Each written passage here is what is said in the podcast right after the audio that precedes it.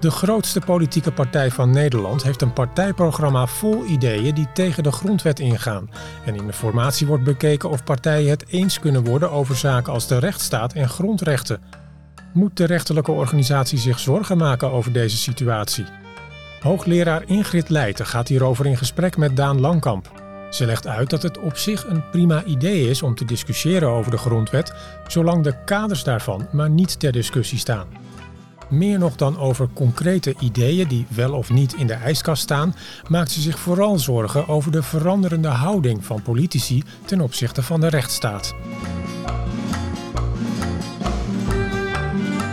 Er waait een nieuwe wind in politiek Den Haag na de verkiezingswinst van PVV. In het verkiezingsprogramma van die partij staan toch een paar punten die onze gast van vandaag met argusogen bekijkt. Want kan dat allemaal wel, maar ook voeren we het politieke spel nog wel via de juiste spelregels? Of wordt aan die spelregels juist gemorreld? Die gast dat is Ingrid Leijten, hoogleraar Nederlands en Europees Constitutioneel Recht aan Tilburg University. Welkom. De grondwet en rechtsstatelijkheid, daar gaan we het over hebben. Um, want daar maakt u zich wel zorgen over, geloof ik. Ja, daar uh, is wel reden toe om daar op dit moment uh, ons wat zorgen over te maken. We hebben inderdaad hè, een verkiezingsuitslag met een winnaar die toch al uh, niet alleen in deze verkiezingstijd, maar al jarenlang die grondrechten, die rechtsstaat niet altijd heel serieus lijkt te nemen. Um, en die is nu bezig natuurlijk met een informatie, hè, een traject om uiteindelijk in de regering uh, te belanden. Dus uh, ja, daar moeten we het wel over hebben, wat mij betreft. Ja, want uh, zet nog even op een rij. Wat zijn nou de grootste voorbeelden van zaken ehm, die de PVV aanhaalt waar u zich zorgen over maakt? Nou, daar wordt natuurlijk altijd in eerste instantie verwezen naar concrete voorstellen. Hè? Minder islam, een asielstop, uh, het invoeren van minimumstraffen, die de rechter, ja, ook de speelruimte die die rechter eigenlijk hoort te hebben, zou ontnemen. Dat zijn concrete voorstellen. En ik denk zeker dat we ons daar zorgen over moeten maken. Tegelijkertijd is het ook zo dat we in het Nederlandse stelsel natuurlijk werken met ja, een, een coalitie. Hè. We moeten met meerdere partijen het eens worden over dat soort voorstellen voordat ze überhaupt wet kunnen worden. En ik zou dan ook ja, eigenlijk uh, meteen ook al willen benadrukken dat het niet alleen gaat om die concrete voorstellen, maar ook om veel algemener een houding ten opzichte van grondrechten, een houding ten opzichte van de uh, rechtsstaat en de, ja, de beginselen die we daartoe rekenen. Want wat ziet u in die houding gebeuren? Nou, uh, daar, daar, zien we natuurlijk al heel lang dingen gebeuren. Hè. We hebben uh, rechtsstatelijke beginselen, zoals uh, grondrechten, zoals een scheiding van machten. We hebben belang aan een onafhankelijke rechter die ook onafhankelijk zijn, zijn, zijn werk kan doen. Um, en je ziet toch dat daar ook op uh, meer en minder subtiele wijze wel, wel aan getornd wordt. Door eigenlijk te pretenderen dat grondrechten niet voor iedereen hoeven te gelden. En dat je daar bepaalde groepen van zou kunnen uitsluiten maar ook door de rechter. En die controle die een wezenlijk onderdeel is van ons staatsbestel. Ja, op allerlei manieren ook, ook zwart te maken. En misschien dus ook wel. Trekken misschien. Ja, en, en wantrouwen uh, op die manier uh, ja, toch een beetje te zaaien. Want uh, wat ziet u dat daar, daardoor gebeurt? Ja, je ziet dat we eh, ook. Er vindt ook een bepaalde normalisering plaats van het überhaupt hebben over uh, thema's als, als afschaffing van, van rechten, um, uh, het, het, in twijfel trekken van de goede wil van, van overheidsinstanties, van de media, die natuurlijk ook een enorm belangrijke rol spelen. Um, en ook door natuurlijk toch zo'n proces, zo'n formatieproces aan te gaan met de PVV, ja, overschrijd je wel natuurlijk een beetje, een, beetje een grens.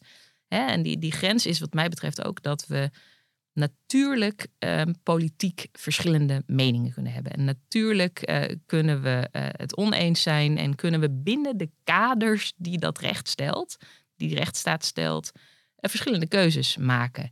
Maar hier lijkt het meer te gaan over het, ja, ook een beetje het, het in twijfel trekken, hè, ter discussie stellen van die kaders zelf. En dat is dus echt van een andere orde. Van die spelregels. Ja. Ja. En um, um zegt u dan eigenlijk door met PVV in zee te gaan, gaan we dat normaliseren? Ja, je, je kunt je afvragen of dat niet al, al lang gaande is. Hè? Door, uh, doordat we überhaupt die mogelijkheid nu, nu onderzoeken. Ik zie daar ook wel een contrast met bijvoorbeeld Duitsland, waar de AFD, de Alternatieven voor Duitsland, ook heel groot wordt, dreigt te worden. Is, En daar wordt toch op een, op een wat fundamenteler niveau door de meeste partijen afstand genomen van het idee om überhaupt samenwerking te overwegen. En ja, in Nederland zijn we toch, ehm, als het gaat ook om de rechtsstaat en de grondwet, eigenlijk van oudsher best wel pragmatisch. En dat zie je ook terug in hoe we, hoe we dit nu aanvliegen. Maar nou, nou zit er aan de formatietafel ook nieuw sociaal contract. Die juist het heel hoog in het vaandel lijkt te hebben. Hè. Eh, ze pleiten enorm voor een constitutioneel hof. Uh, grondwet erg belangrijk. Vindt u het dan gek dat die twee juist met elkaar praten? Ja. Of in ieder geval opvallend misschien. ik denk dat dat opvallend is. Ik denk dat dat ook natuurlijk een extra reden is waarom ze het over de rechtsstaat en de grondrechten moeten hebben. En ik vind dat niet per definitie een slecht ding. En meteen werd door de, door de nieuwe uh, waarschijnlijke oppositiepartijen geroepen dat we het toch niet zo kan zijn dat we het over de grondwet hebben, dat we daarover praten. Dat die ik denk dat we, ja, maar ik denk dat we op zich het, het praten over die grondwet en de rechtsstaat in Nederland eigenlijk te weinig doen. En dan heb ik het niet over het ter discussie stellen van, uh, van die kaders. Maar die kaders laten best wat ruimte aan invulling, aan hè, interpretatie. En dat is nu juist eigenlijk het hart van het, het constitutionele bedrijf. Hè. We willen onze grondwet ook levendig houden. Dus daar moet je het over hebben binnen de politiek, uh, met de burger. En hoe dan? Waar, waar zou het gesprek over moeten gaan? Ja, nou ja, het liefst natuurlijk niet alleen achter gesloten deuren uh, met, uh, met de heer Plasterk. dat is natuurlijk nu, nu aan de orde. Maar we moeten dat veel meer doen, denk ik. Ook in de Kamer, in het, het, politieke bedrijf, in de publieke discussie ook wel. Waarbij natuurlijk ook wel weer het, het gevaar op de loer ligt ja, dat we daar niet helemaal kloppende opvattingen rond gaan, gaan zoomen. Ja. Um, maar in beginsel vind ik het niet gek um, om het erover te hebben. En nog eventjes over hè, NSC. Um, ehm, je zou dus ook kunnen zeggen dat als zij al uh, die discussie aangaan, uh, dat de inzet uh, zeker niet het ter discussie stellen zou moeten zijn, maar inderdaad het versterken ervan. Ja dus hoe zit dat met, met de rechterlijke toetsing? Geen maat bij de ehm, wijn doen. Nee, ik heb vlak na de verkiezingsuitslag ergens geschreven dat, dat ze dat als kroonjuwelen zouden moeten behandelen. En datzelfde geldt voor de oppositie. Hè. We waren net op weg in de, de politieke discussie naar constitutionele toetsing. Hè. Dat thema ja. ligt al jaren weer op de plank en dan hebben we het er weer over. Er was momentum, na de toeslagenaffaire ook, om daar echt iets mee te gaan doen. Um, en ja, het zou, het zou zonde zijn als, uh, als dat weer in de ijskast zou komen. Ja, die bekende ijskast. Ja. Daar verdwijnt veel in tegenwoordig. Mm -hmm. Wat vindt u daarvan? Ja, kijk, ik, ik zei al, de, de focus op die losse voorstellen en of de PVV Wilders die al dan niet gaan indienen of eraan vasthouden, ja, dat is één kant van het verhaal. En natuurlijk is het in ons systeem waarin je altijd die meerderheid nodig hebt om wetten erdoor te krijgen, helemaal niet zo. Ja, van, ja, het, valt niet, eigenlijk niet te verwachten dat de meeste van die extreme voorstellen erdoor komen. Juist omdat we een soort zelfregulerend. Ja, om, omdat je altijd een meerderheid in, in de Kamer zult moeten hebben. Uh, omdat er uh, toch ook binnen de uh, formerende partijen ook al wel twijfel is over wie wil nu überhaupt eventueel meedoen. Um, en dan hebben we ook nog natuurlijk allerlei, even los van de grondwet, eh, waarborgen in internationale mensenrechtenverdragen en een internationale gemeenschap die Europa. daar. Europa, eh, die in, intussen ook wel gewend is natuurlijk om, om landen op de vingers te tikken als het rechtsstatelijk niet helemaal uh, door een uh, ringetje te halen is. Ehm, dus, dus het gaat niet alleen om die losse voorstellen en of die nou in een ijskast zitten of, eh, of wat dan ook. Het gaat om het grotere plaatje. Ja, om, om, Want, want de grondwet die is er voor iedereen. En we hadden het net over dat er groepen worden uitgesloten, misschien wel van die grondwet. Of dat daarover nagedacht wordt. Het, het zwart maken van eh, mensen die een bepaalde religie aanhangen. Maar ook het zwart maken van de rechtsstaat of van de media. Dat soort, dat soort zaken. Dat, dat is niet nieuw, toch? Dat ligt niet alleen bij een partij als de PVV? Dat gebeurt toch wel vaker? Partijen mogen toch soms ook nou ja, zeggen wat ze vinden, of denken, of willen. Zeker. En, uh, en, en, een bepaalde mate van polarisatie, hè, zou je ook kunnen zeggen, is ook gezond of normaal. En dat fluctueert ook. Maar op het moment dat je uh, echt, denk ik, hè, dus stelselmatig uh, gaat miskennen dat grondrechten voor iedereen gelden.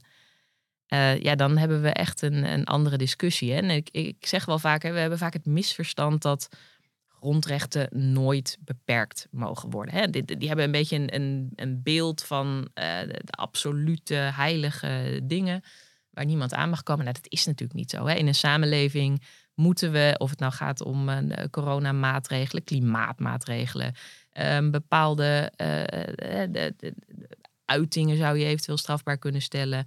Daar, daar zit ook een bepaalde politieke speelruimte om. En ook die grondwet kan natuurlijk wel wat, wat aangepast worden als je in beide kamers twee derde meerderheid hebt. Uh, zeker, dat, dat moet je dan wel dus twee keer hebben. Eerst een keer met een gewone meerderheid en dan na verkiezingen nog een keer met een, met een tweederde ja. meerderheid. Dus dat is een proces wat hè, Wilders in, in wat hè, zijn regeerperiode zou kunnen worden ook niet uh, kan bewerkstelligen. Maar ook los van het echt veranderen van de tekst van de grondwet, laat die grondwet, juist de Nederlandse grondwet, best heel veel ruimte en interpretatieruimte voor de wetgever. We hebben een hele dus oude grondwet. voor een links, links kabinet om wat links af te slaan en voor een rechtskabinet ja, om wat rechts om, af te slaan. Uh, bepaalde dingen in, inderdaad nader vorm te geven, te organiseren, in wetgeving vast te leggen. Um, en dus ook uh, waar nodig soms uh, de grondrechten eh, te beperken. Hè, als de formele wetgever dat doet, dus regering en, en Staten-Generaal, de Kamers zijn het ermee eens, dan... Kunt u daar eens een voorbeeld van geven? Nou ja, dat, dat, een typisch voorbeeld is dus ook wel uh, coronamaatregelen, waarin je dus wel regels oplegt van mensen die elkaar niet bezoeken mogen of een mondkapjesplicht. Uh, maar ook het strafbaar stellen van bepaalde uitingen die, die voor gevaar kunnen zorgen. En je zou ook nog kunnen denken, natuurlijk in de richting van een, een boerkaverbod. Daar zit best wel wat speelruimte voor politieke meerderheden om, nou ja, een beetje naargelang hoe de wind waait, um, uh, daar, daar een bepaalde gestalte aan te geven. Maar hè, wel binnen de kaders van het idee dat, dat die rechten voor, voor iedereen gelden, en dat dat altijd proportioneel moet zijn. Dus je moet daar een goede reden voor hebben. Het moet niet verder gaan dan noodzakelijk. En dat is natuurlijk veel subtieler. Uh, ja. ja. het is veel subtieler dan, dan de voorstellen van Wilders. Maar ook de, zijn, zijn houding ten opzichte van uh, grondrechten. Ja, want over die houding gesproken spelen social media daar nog een belangrijke rol in. He, want ik kan me voorstellen, uh, nou ja, uh, hij doet allerlei voorstellen die in zijn partijprogramma stonden of staan in de ijskast, zegt hij dan. Mm -hmm. Maar op social media spreekt hij zich vaak en veel nog uit. Ja, we zagen aan de ene kant een, een Wilders die zich best heel premierwaardig begon op te stellen. En aan de andere kant schrik ik dan ook van wat hij alsnog op, op X weet te, te posten. En eh, sowieso is die rol van de sociale media, denk ik, heel, heel cruciaal. Ook in het, het groot worden van Wilders en het, en het lastige van, van, van het terugwinnen. Hè? Van mensen die misschien ook heel goed bij, bij andere partijen zouden passen. Ehm, maar die hun nieuws en hun informatie halen uit sociale media. Een soort fuik terechtkomen, ja, natuurlijk wel bekend. Ja, en, uh, en daar, uh, um, ja, dat, dat zijn zeker, zeker niet allemaal complotten. Maar dat, je zit inderdaad wel in, snel in een bubbel, in een, in een fuik. En dat geldt ook voor ons natuurlijk, voor, ja. voor een deel. Um, maar ja, probeer maar eens uit te leggen waarom het uh, toch, uh, toch echt anders is dan wat, uh, wat iemand dag in dag uit op, op allerlei kanalen wordt verteld. Ja, komt ook vaak in het buitenland. Hoe, Mhm. hoe kijken landen als Duitsland, België, eh, hoe kijken zij hier naar het gesprek bij ons over de grondwet? Ja, kijk, ik denk dat we de, de, de, de populistische ruk naar rechts, die is natuurlijk op veel meer plekken zichtbaar. Ik denk ook dat uh, ook om die reden met interesse wordt gekeken naar wat er gebeurt in Nederland. Maar wat wel typisch is, ik zei het al, hè, die Nederlandse grondwet, die is. ehm, eh, heeft allerlei mooie waarborgen, maar we hebben inderdaad niet een rechter die wetten mag toetsen aan de grondwet, bijvoorbeeld. Geen constitutionele toetsing. Vrij veel ruimte voor de formele wetgever om invulling te geven aan de grondwet. En daar zit wel een beetje een idee achter van, hè, we, zijn toch allemaal fatsoenlijke mensen en ehm, eh, we, Daar we gaat lossen, iedereen goed ja, mee om. we lossen het netjes op met elkaar. Ja. En dat is natuurlijk waar, eh, zolang dat zo is. Is Ehm, dat en gevaarlijk? Dat vertrouwen wat de, grond, de grondwet daarin legt voor ons ja, als maatschappij? ik, de- de- daar verschillen natuurlijk de meningen wel een beetje over, maar ik zelf ben wel voorstander van het wat meer optuigen van, van de grondwet. Hè. We gaan er vaak een beetje prat op dat onze grondwet zo sober en oud is. En, en dat, dat we niet meer nodig hebben dan dat. En dat het Ja. misschien niet zo erg is dat we het er niet zo vaak Lekker over hebben. Hollands.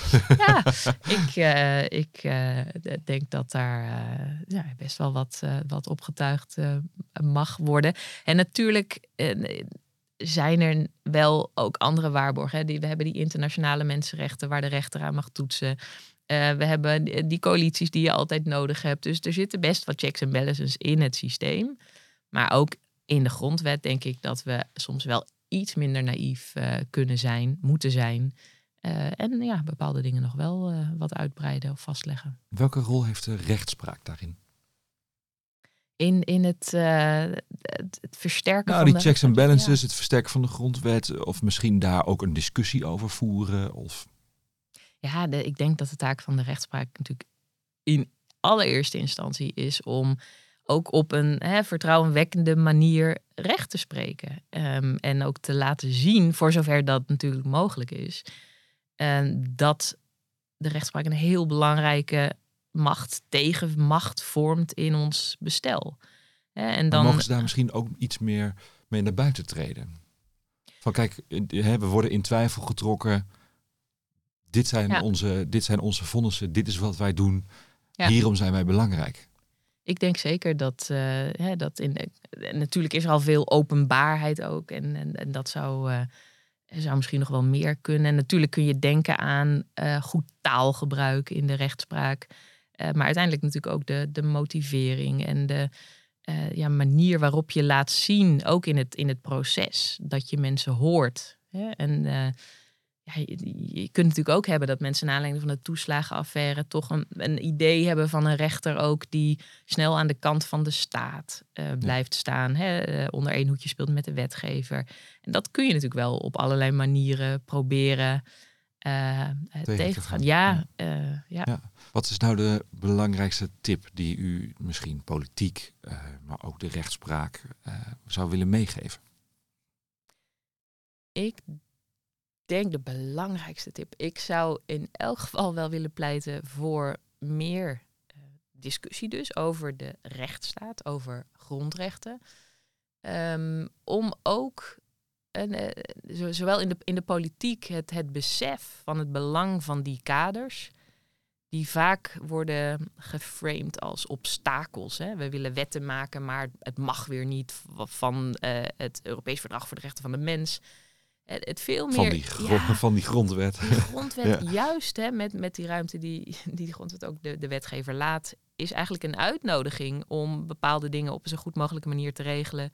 Om daarbij met bepaalde dingen rekening te houden. Hè. Denk ook aan sociale grondrechten, eh, zorg, wonen, eh, bewoonbaarheid. Eh, Het, is een uitnodiging aan de wetgever om daar goed mee om te gaan. En dus niet net te doen alsof zijn neus bloedt totdat de rechter een keer wat zegt. Maar ook in de, in de publieke discussie. Hè? Want je ziet ook dat een groot deel van de, van, van de burgers toch ook niet altijd beseft wat ze hebben aan, aan de grondwet, aan de waarborg van de rechtsstaat, aan de, aan de grondrechten. Helder. Dankjewel. Ingrid Leijten, hoogleraar Nederlands en Europees Constitutioneel Recht aan Tilburg University. Dankjewel. Dit was SSR Meestervertellers. Blijf op de hoogte en abonneer je op deze podcast. Graag tot de volgende keer.